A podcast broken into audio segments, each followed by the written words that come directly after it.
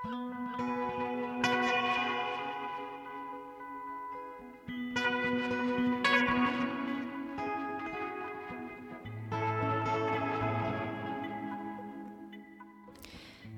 sæl. Í viðsjá í dag heyrum við af fjölbreytileika innan sviðslista heimsins. Veltum fyrir okkur orðinu inngilding með málfars ráðunöyti Ríkisútvarsins og heyrum brotur útvarpstætti um frjálsa leikópa frá árunnu 1985. Við bregðum okkur líka á uppistand tveggja sviðsöfunda í Tjarnarbíói. En við byrjum á styrkjum í barnabókabransanum því allt kostar þetta jú peninga þetta menningar brass. Við ætlum að fara að velta eins fyrir okkur útgáfumálum og kannski horfa sérstaklega til barna bókmynda. Hjá mér er sest Margret Tryggvadóttir, reytufundur og bókmyndafræðingur. Verður velkominn. Takk fyrir. Um, þú ert líka með masterskráði í menningarstjórnun og þar sem þú og í mastersverkefninu þínu skoður eru sérstaklega styrkjaumhverfið á Norðurlandunum í þessu samhengi, ekki satt? Jú, ég tók fyrir sérstaklega barnabækunum, þá verður maður náttúrulega að skoða allt kerfið og bar svo saman við, Norð, við Ísland stöðuna hér eins og hún var fyrir nokkrum árum. Sko það er mjög augljóst þegar maður horfir til sérstaklega svíþjóðar kannski að barnabókin setur bara á einhverjum allt öðrum Eh, stallið þar heldur hún hér. Hún er bara stort menningar dæmi Já, ég minna svíjar hafa náttúrulega gert batnabækur að, að reynlega að útflutningsvöru og við ættum auðvitað alveg að geta gert það líka hér.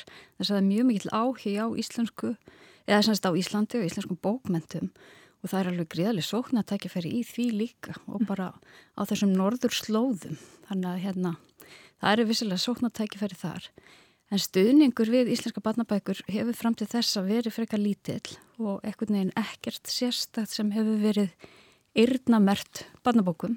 En það er nú kannski að breytast, en þá er það alltaf spurningin hvernig nýtist það. Emi, það, var bara nú um daginn í fyrsta sinu veittur nýr styrkur, auður. Já, nýr styrkur sjóður. Sem að, já, sem að kannski hefur verið valdið höfundu svolítið, svolítið hugar ángri? Já, hérna, ég verð nú bara að segja eh, viðkenda það því að ég er í stjórn Rítvöndarsambansins og líka í stjórn Síjung sem eru samtök barna og ungleikabóku höfunda en við störfum innan Rítvöndarsambansins og við höfum svolítið klórað okkur í, í, kollinum yfir þessu því að það náttúrulega eru nýkomni styrkir til bókaútgafa almennt sem eru uh, félast í svona endugreiflukerfi þannig að 25% kostnað er endugreitur en svo eru þetta sérstakir styrki til batnabókmynda en þeir fara ekki til höfundana heldur og sem sagt í sköpunna heldur bara einn til útgefenda. Og hérna það er kannski þarf sérstaklega styrki til útgefenda en við verum svona, við klóruðum okkur svolítið í kollinum og sérstaklega kannski höfundar sem að innan gæðsalba fengu þessa styrki og varum með þess að sko kallar í atomn og fengu blóm og, og jáfnvel fyrirsagnir í blöðunum að þeir væru styrk þegar. Mm -hmm e, og sömur af þessum höfundum eru sko e, hafa skrifað meðsölu bækur sem þarf ekkert sérstaklega að styrkja þótt að séu barnabækur sem eru bara eiginlega að teljast til hérna svona helstu, helstu tekju öflunar bókaforlegana og það er svolítið sérstakta að sérstakki styrkir fari í slíkar bækur. En veistu eitthvað á hvaða fórsendum þessi styrkir voru veittir? Hva, hver svona tilgangurum var þá? Ég átta mig ekki, sko tilgangur náttúrulega, yfirlistu tilgangur er að auka uh, framgang barnabókana og auka lestur en ég, einhvern veginn sko að því við vitum að, að, að ráþirann sem að gemur þessu á er svo óskaplega velviljaður og, og hérna vill framgang bæði tungumálsins og bókmentur, sérstaklega barnabóka svo mikið, að þá er þetta held ég bara við verðum að viðkenna, þetta er ekki vel hefnað kannski bara vanhugsað? Já, ég held þetta sé svolítið vanhugsað og ég held að, að, hérna, að sumir að fjármennu sem eru að fara sérstaklega, þetta eru eirnamertur einhvern sérstakum bókum, sko, þetta er að fara í bækur sem þurfa ekki á þessum styrkjum að halda, en svo hefur við sko líka heyrt af því og komið inn á borð hjá okkur í rítandarsambandinu að höfendar hafa sem koma með handrit og eru, vorum bækur í fyrra og hitti fyrra, komið með handrit núna í vor að þá fenguðu þau svör nei það sko, umsóknarfræsturinn er búin við ætlum bara að gefa út bækur sem við, við getum sagt um þennan styrki Þannig að það verkar henni öfugt Já, þá er þetta farið að snúast upp í andkverju sinna og vera hamlandi fyrir útgáfin nýra bóka mm. E, við hefum líka sko frétta því að svona stærri verkefni, það reyndar mjög stórt og, og, og hérna flott verkefni og algjörlega skiljanlegt að það er ekki hægt að ráðast í það nema að það kemur til styrkir. Það hafi verið gerðir uh, útgáðusamningar við höfunda með fyrirvara um þessa styrki og ef þeir kom ekki þá er verkefni sleið af.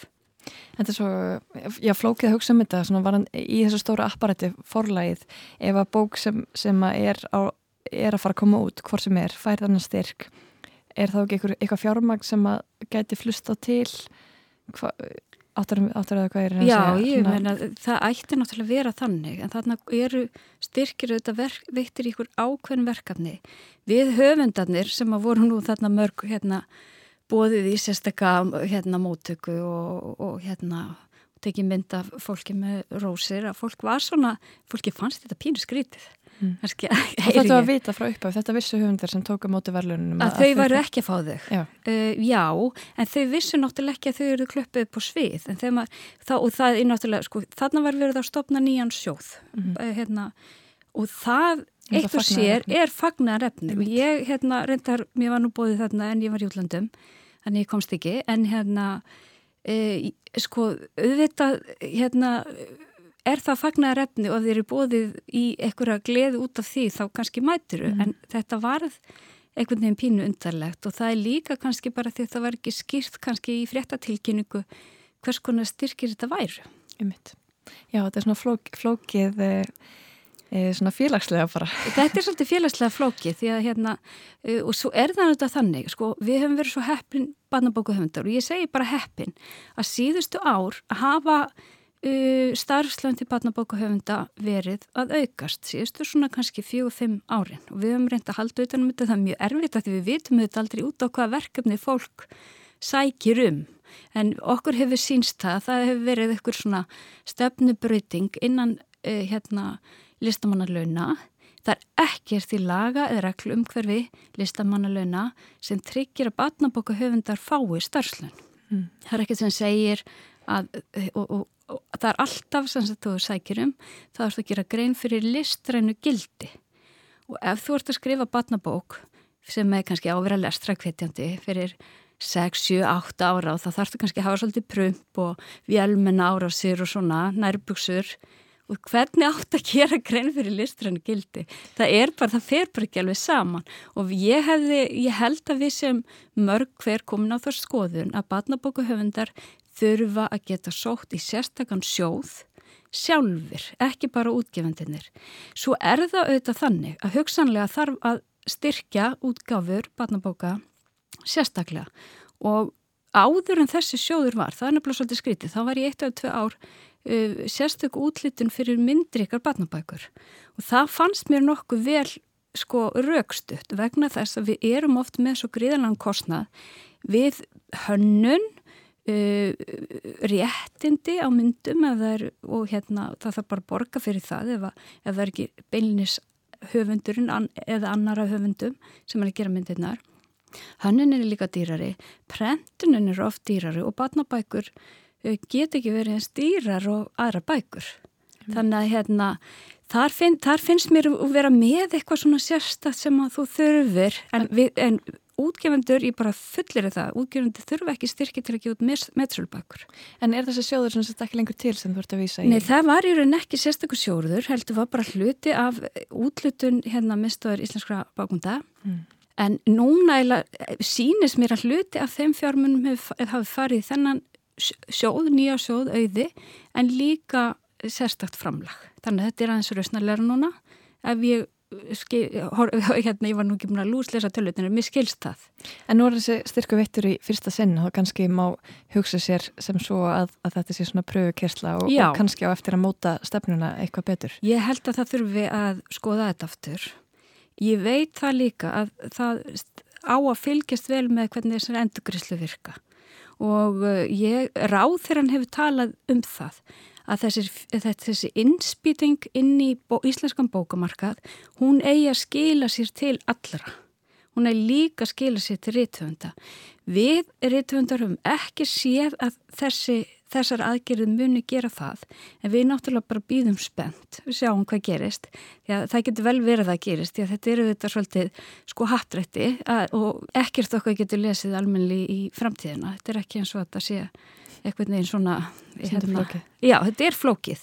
En, en mér langar svo að spyrja þig eftir við töluðum með mér upphafi að þú hefði skoðað eh, styrkekerfi á Norðurlandunum Hva, hvað er að virka þar og, og, og eh, hvað, svona, hvað getur maður haft hva, hva, til hvers getur við litið? Já, ég held að normenn sé ekki, eða það er mín skoðun að normenn sé ekki að gera þetta lang, lang best.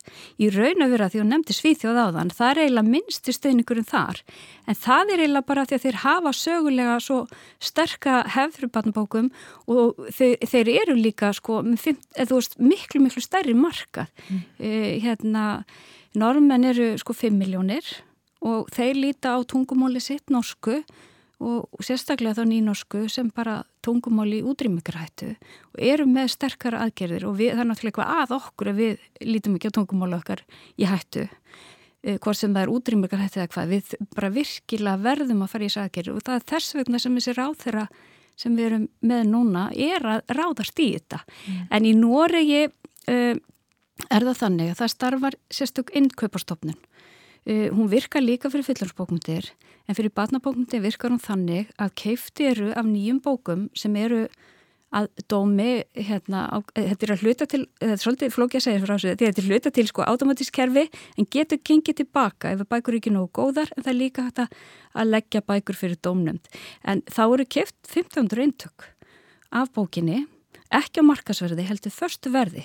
Hluti af kaupverðinu fyrir til útgefandan, hluti til höfundarins. Þannig að höfundurinn hefur í raun alltaf tekið tryggingu mm. upp á, já, sko, ríflega eina miljón íslenskra króna og, og eiginlega þeir áhætt á útgefanda sér í flestum tilfellum núlið út.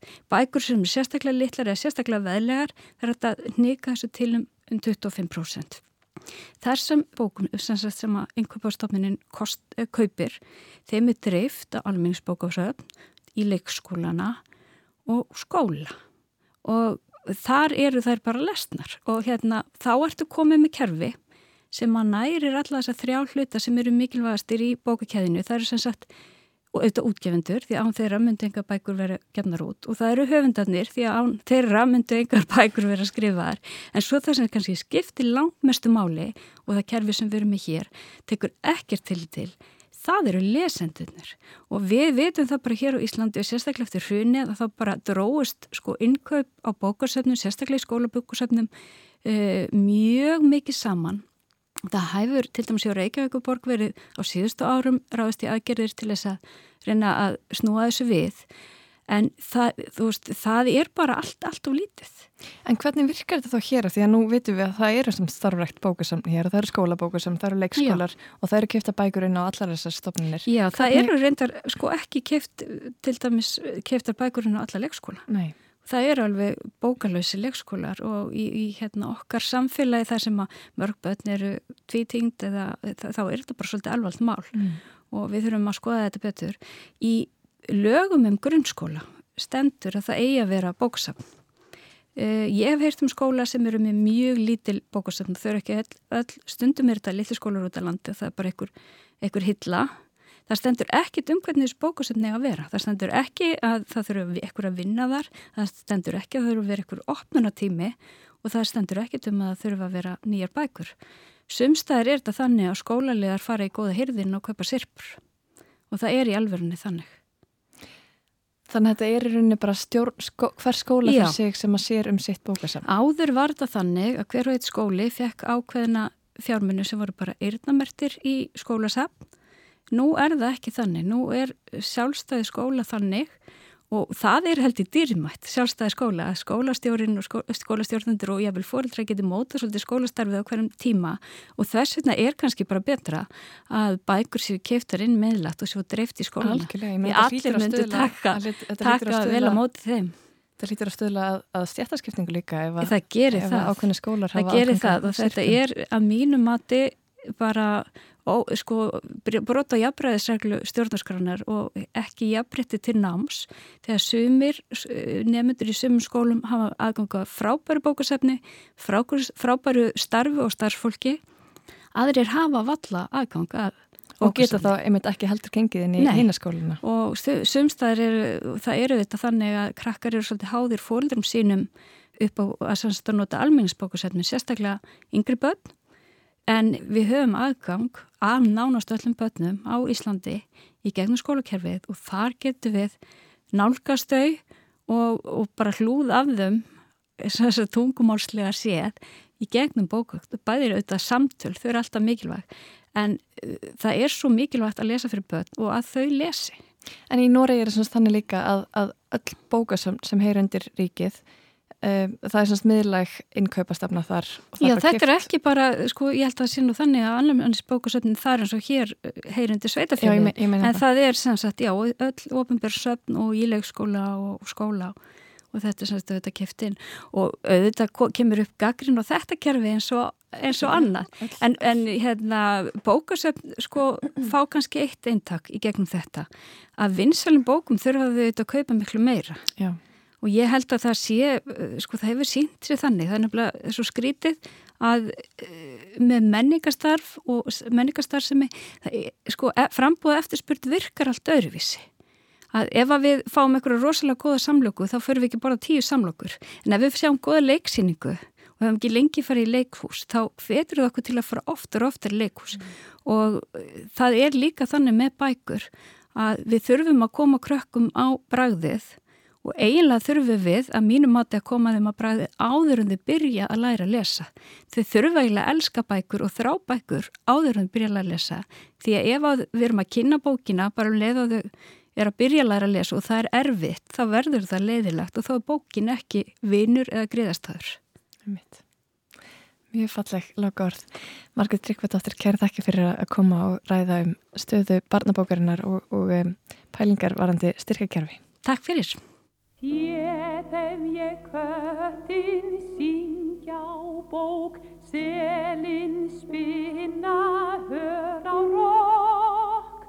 Skötu nelta skinn í brók, skúminn prjóna smábansokk. Höll er skeppnan skemmti gjörð, skoði litla stýrið, malar sinni kjáta kvörð, kringlu leita dýrið. Fiskurinn hefur fögur ljóð, finnst hann oft á heiðum. Ærnar renna eina eftir sjónum breyðum. Sér hef ég rjúpu veiða val, váka kindað skutta kval, dauða kerling upp dal, hosti regu hana gal. Já, það er eflust mikið til í því að barnabækur eigi stóran þátt í varðavislu íslenskrar tungu eins og Margret kom inn á hér áðan og útgáfa vandaðara barnabóka góð fjárfesting fyrir framtíðina. Hér undir óma öfugmælavísur þurriður Pálsdóttir syngur þetta gamla kvæði við lag og undirleik Jórunar viðar. Þar er mörg vittlisann höfði frammi og hugsanlega rugglað eitthvert barnið í rýminu hér á árum áður. Það er eftir að móti ekki víst að börn nútildags myndu staldra við þá fulleriðingu að skatan hafi eld skinn í brók eða skúmurinn prjónað smábandsokk. En þetta eru allt góð og gild íslensk orð, svo breytast bara umræðaefnin eftir árunum og skilningurinn eftir því. Sjálfur hefur mér oft vafist tunga um tönn í samræðum um mikilvæg málefni deiklunar, til dæmis hvað var það jafnrétti og fjölbreytileika. En þar er gerna gripi til ennskra hugtaka. Þróun hugmynda í alþjóðlegu samhengi getur verið svo mikið hraðari en tungumálsins. Til dæmis hefur ennska orðið inclusion orðið fyrirferð mikið á síðustu árum. Orðið inclusion vísar þá til þess að horft sé út fyrir hinn staðalaða forréttendakassa að jáðarhópar séu með í leiknum. Anna Sigriður Þráinsdóttir, málfarsraðanautur, er sastjörna hjá mér. Anna Sigriður, inclusion, er þetta orð til á íslensku?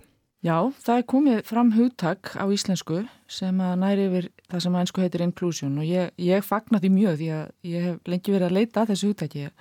ég fór nú bara og spurðist fyrir og komst að því að, að Berglind Rós Magnúsdóttir sem er, sem er eh, dósenda á mentavísindasviði við Háskóla Íslands hún hefur þýtt hugtækið inklusjón með orðinu inngilding.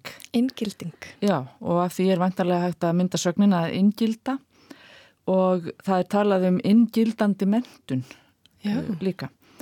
Það, mér skilst að þetta sé nú komið svona sem það hefur hingað til verið talað um án aðgreiningar, til dæmi skóla án aðgreiningar Já. og staðin fyrir það er það farið að tala um inngildandi mentun og þetta Eh, hefur, ég hef nú ekki komist ennþá yfir skilgreininguna sem hún gefur á, á íslensku á, á þessu eða merkingu þessa hugdags nákvæmlega hvað hann er að hugsa bakvið þetta en eða hvað er að bakvið þetta hjá henni en hún er eins og þetta er svona frekar gagsætt Einmitt.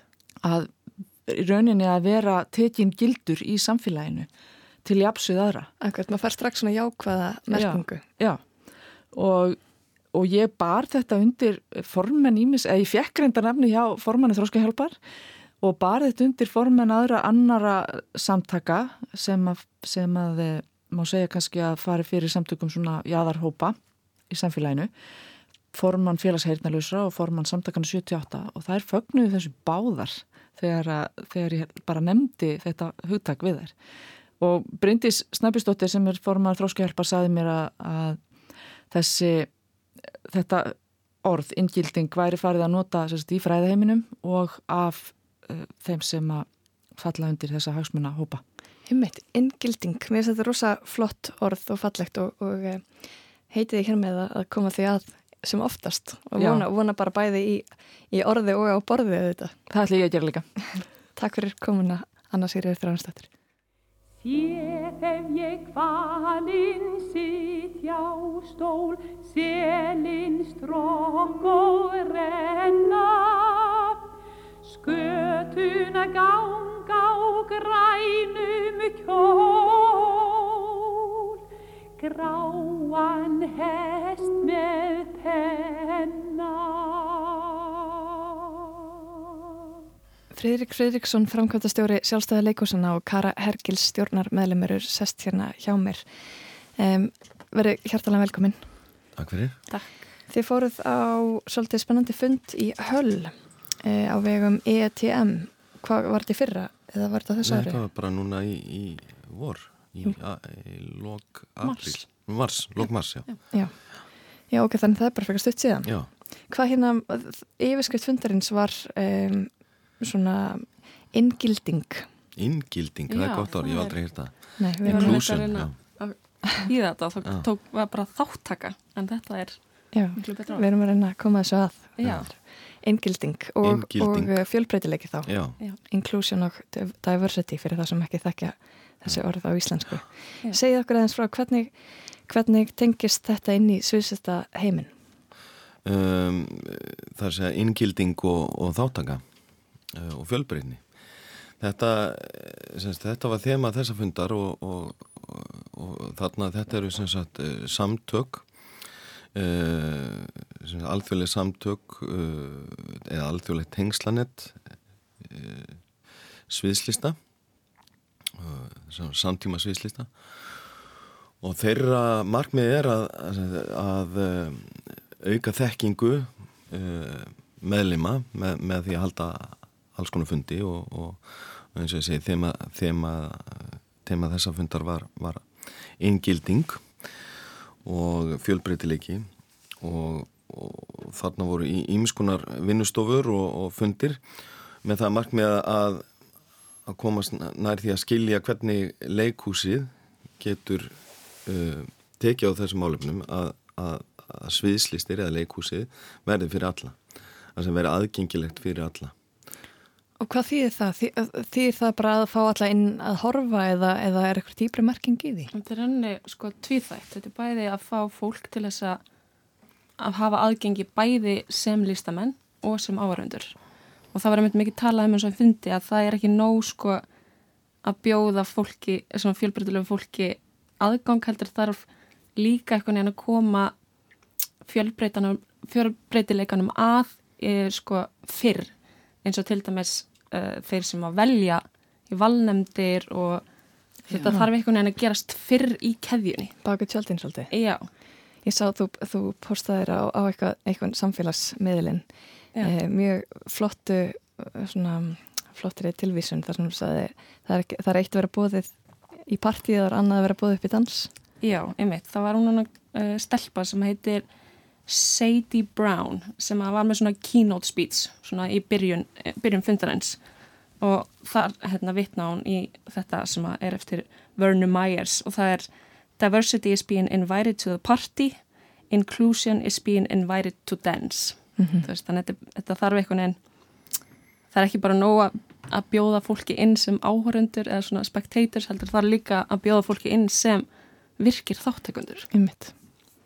Og voru, og voru e, sem sagt, var rætt um einhverju sérstakar aðferðir sem hægt er að nýta þá einhverju aðferðafræði til þess að láta þetta verða veruleika. Já, þarna var fyrirlesari sem heitir Jess Tom, hún er uh, með Tourette og uh, er skemmtkraftur og, og, og hérna uh, grínsti og, leikusmannskja en uh, hún er með samtök sem heita Tourette, Tourette Hero. Og þar hefur hún verið svolítið að reyna að einliða það sem að kalla relaxed theater eða, eða afslappað leikús leikús þar sem að má e, tala má he láta heyri í sér það má reyfa sig.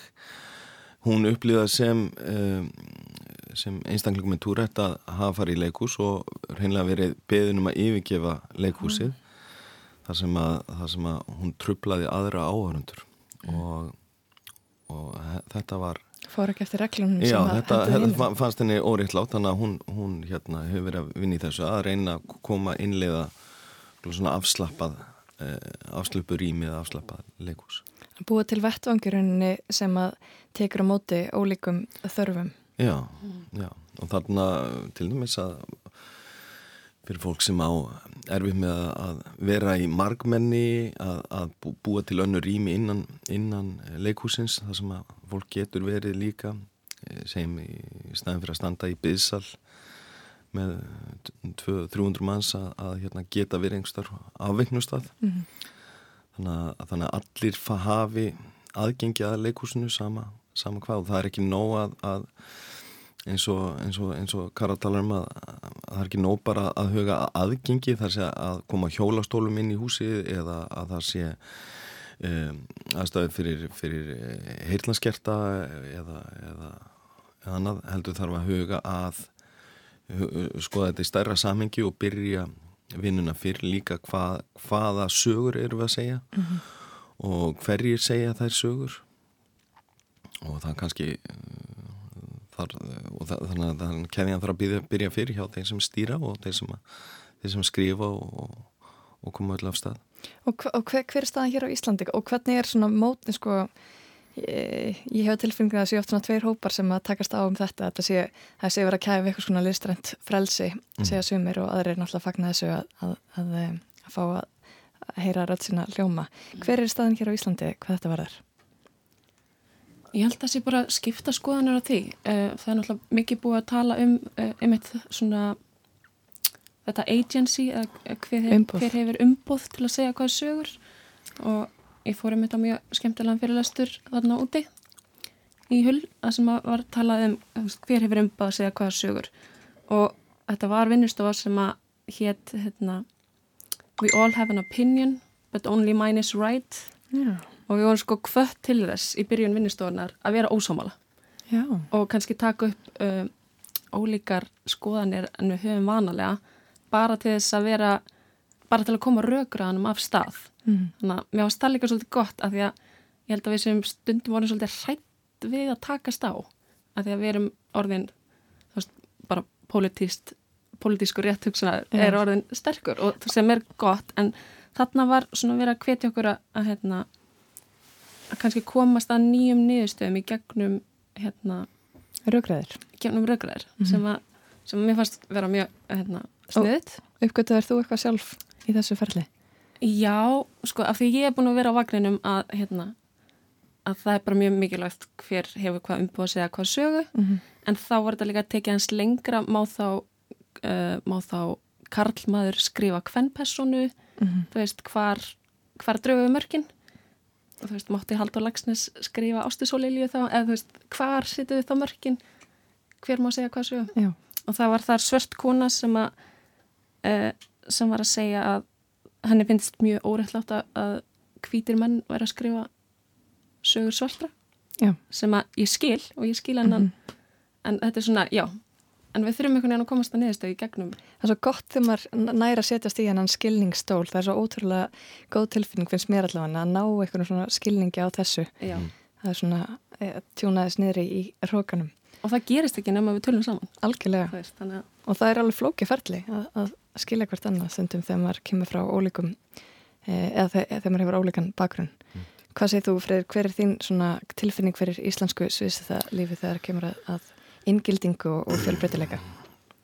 Við erum, ég held að við eigum pínulítið í land að, að huga að sérstaklega hvað var að fjölbreytileika um, bæðið samsetning þeirra sem að skapa leikúsið, við erum flest öll svolítið einsleitt og uh, það þarf til dæmis bara fleiri uh, listamenn af, af, af fjölbreyttari uppbrunna til þess að fara að vera sínilegri í, í sviðslistum.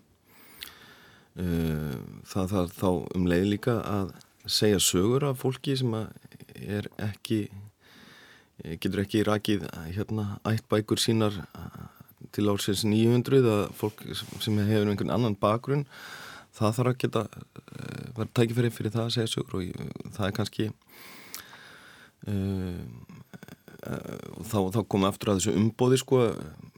Me, megum við hinn me, má hvíti miðaldra kallmaðurinn segja þær sögur? Auðvitað má hann gera það held ég.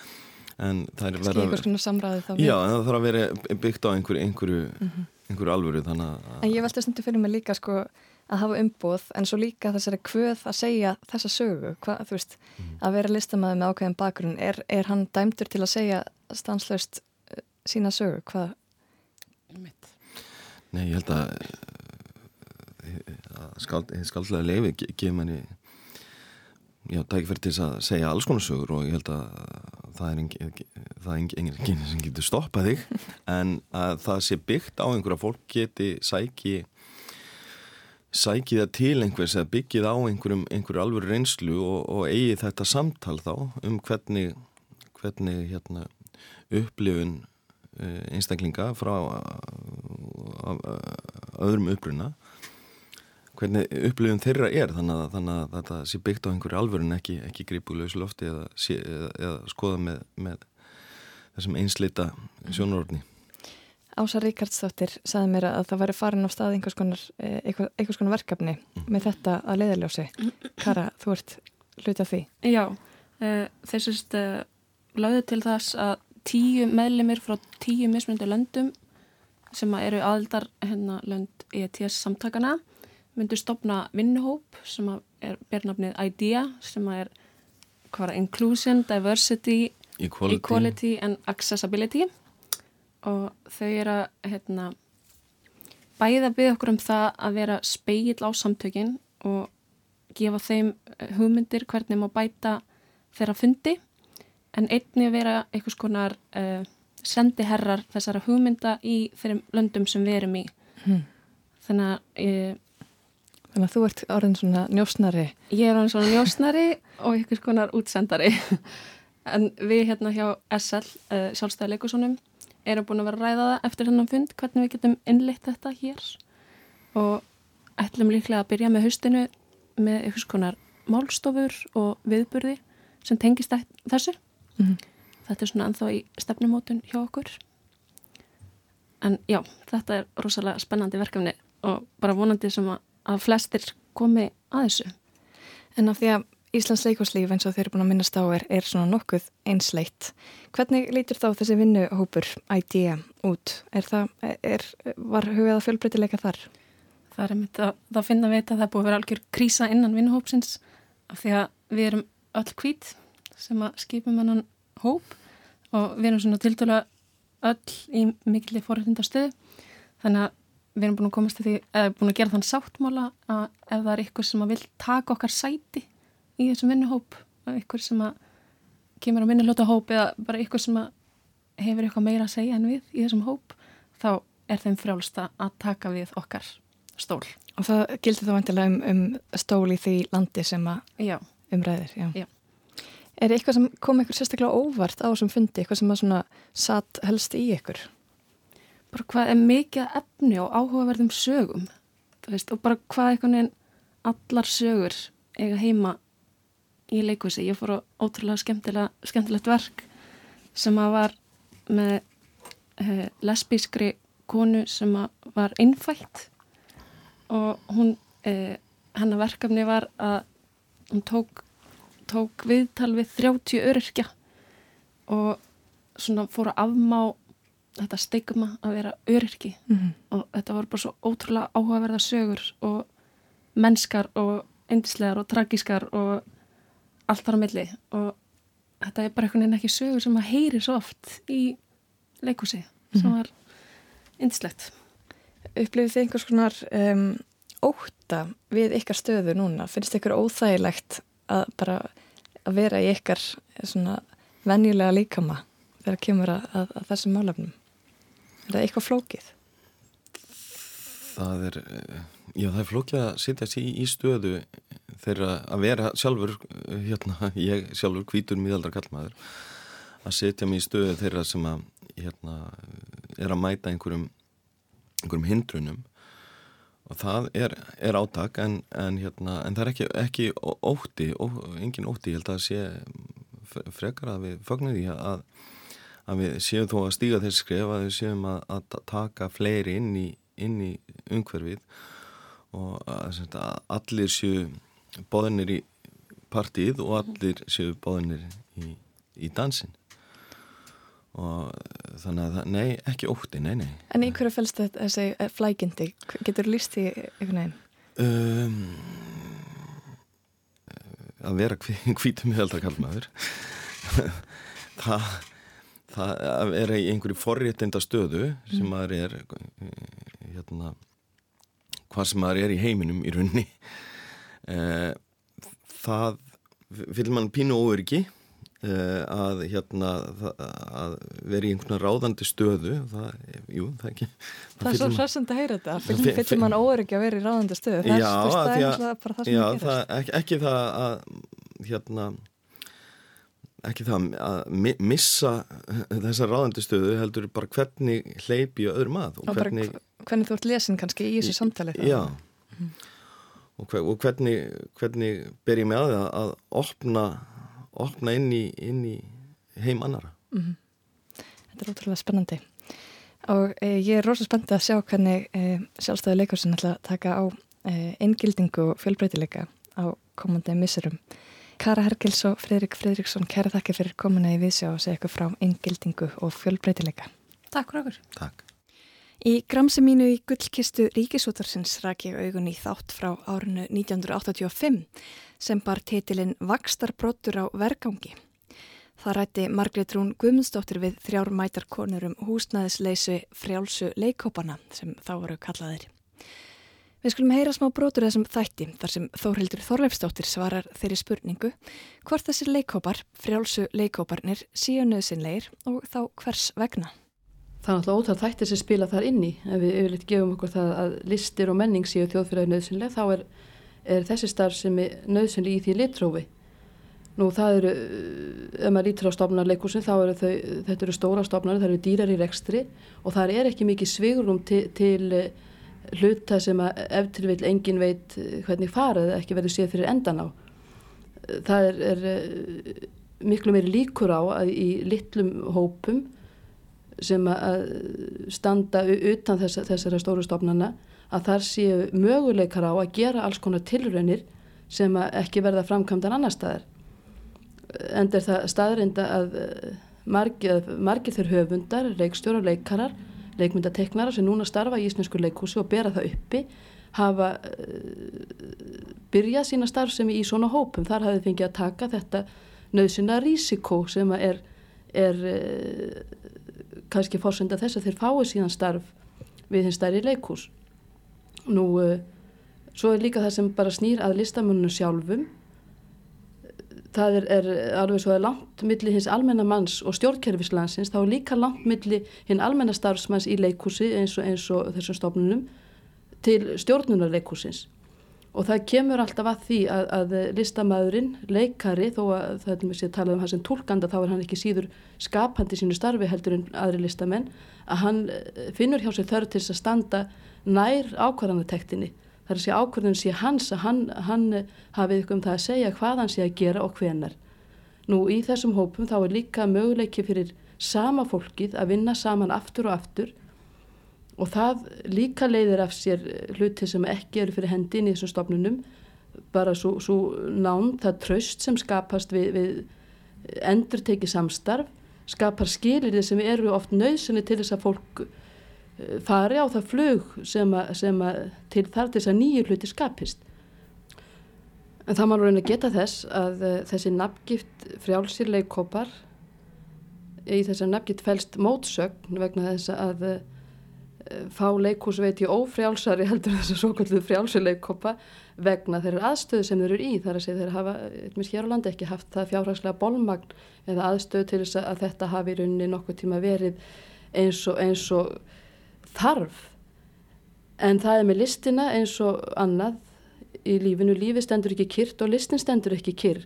Og hún þarf sína endun í, hún þarf sínar formtilraunir sem að, sem að eh, síðan flytjast hægt og hægt yfir til, yfir eh, til stærri leikúsanna eh, þetta á sig kannski ekki stóran áhörundahóp eða hlustandahóp til að byrja með. Það þekkju við, það segir sagan okkur í, í sambandi við, við ótalluti og uh, það, það andrúnsloft sem að, að þessi hluti verða til í til að byrja með er kannski fyrir þraunganhóp en uh, verður oft setna almenningsegn og öllum finnst sjálfsagt að sé til en spurja kannski ekki hvernig það var til eða undir hvaða skilur það var til eða hverju þau þurfa að vera. Sagði Þórhildur Þorlefsdóttir árið 1985 í þættinum Vakstarbrotur á vergangi í umsjón Margreitar Rúnar Guðmundsdóttur. En við ætlum að halda okkur á þessum slóðum. Vakstarbroturinn er þó ekki á vergangi lengur.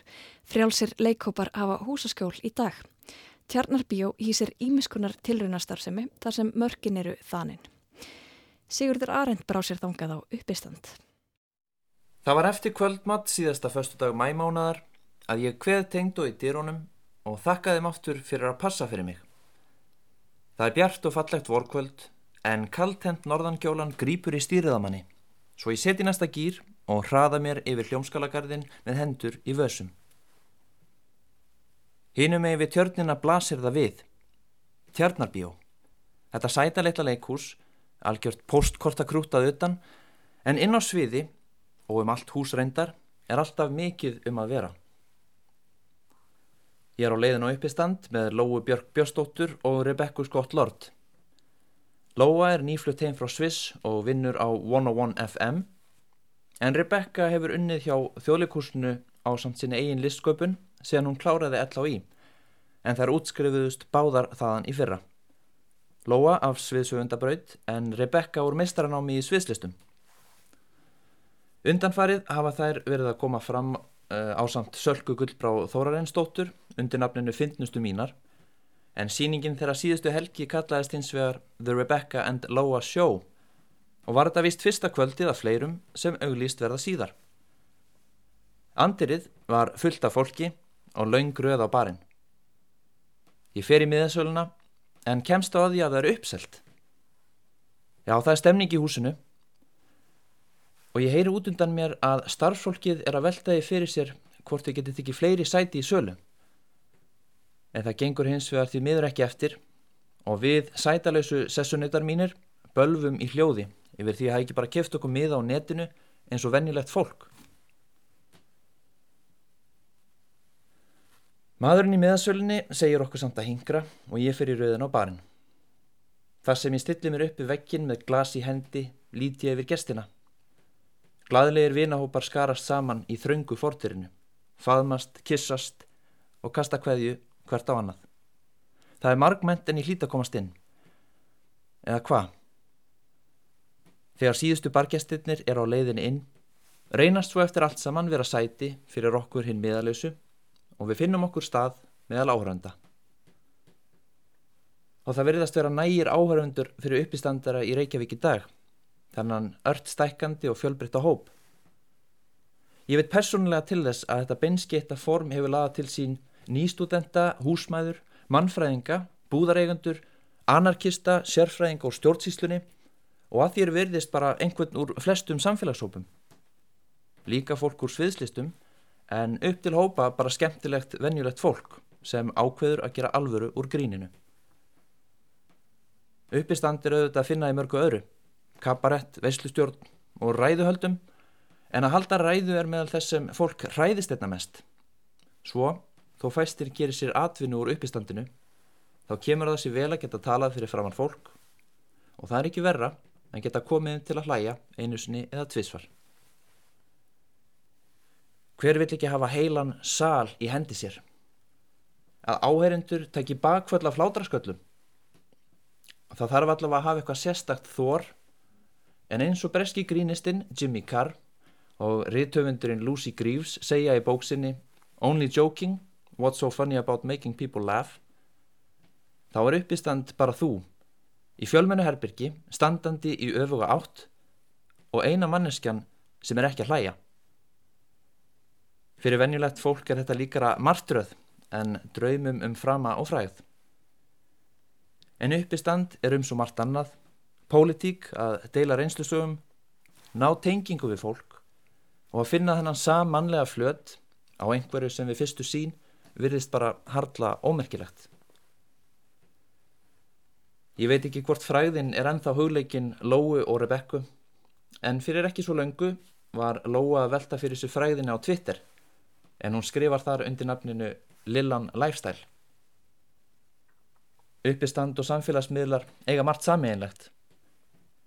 Í fyrsta lægi skiptir fjöldi fylgjenda eða áhörvenda máli en kannski ekki jafn miklu máli og þáttakan, engagement. Það er hversu margir hlæja að hvaða bröndurum.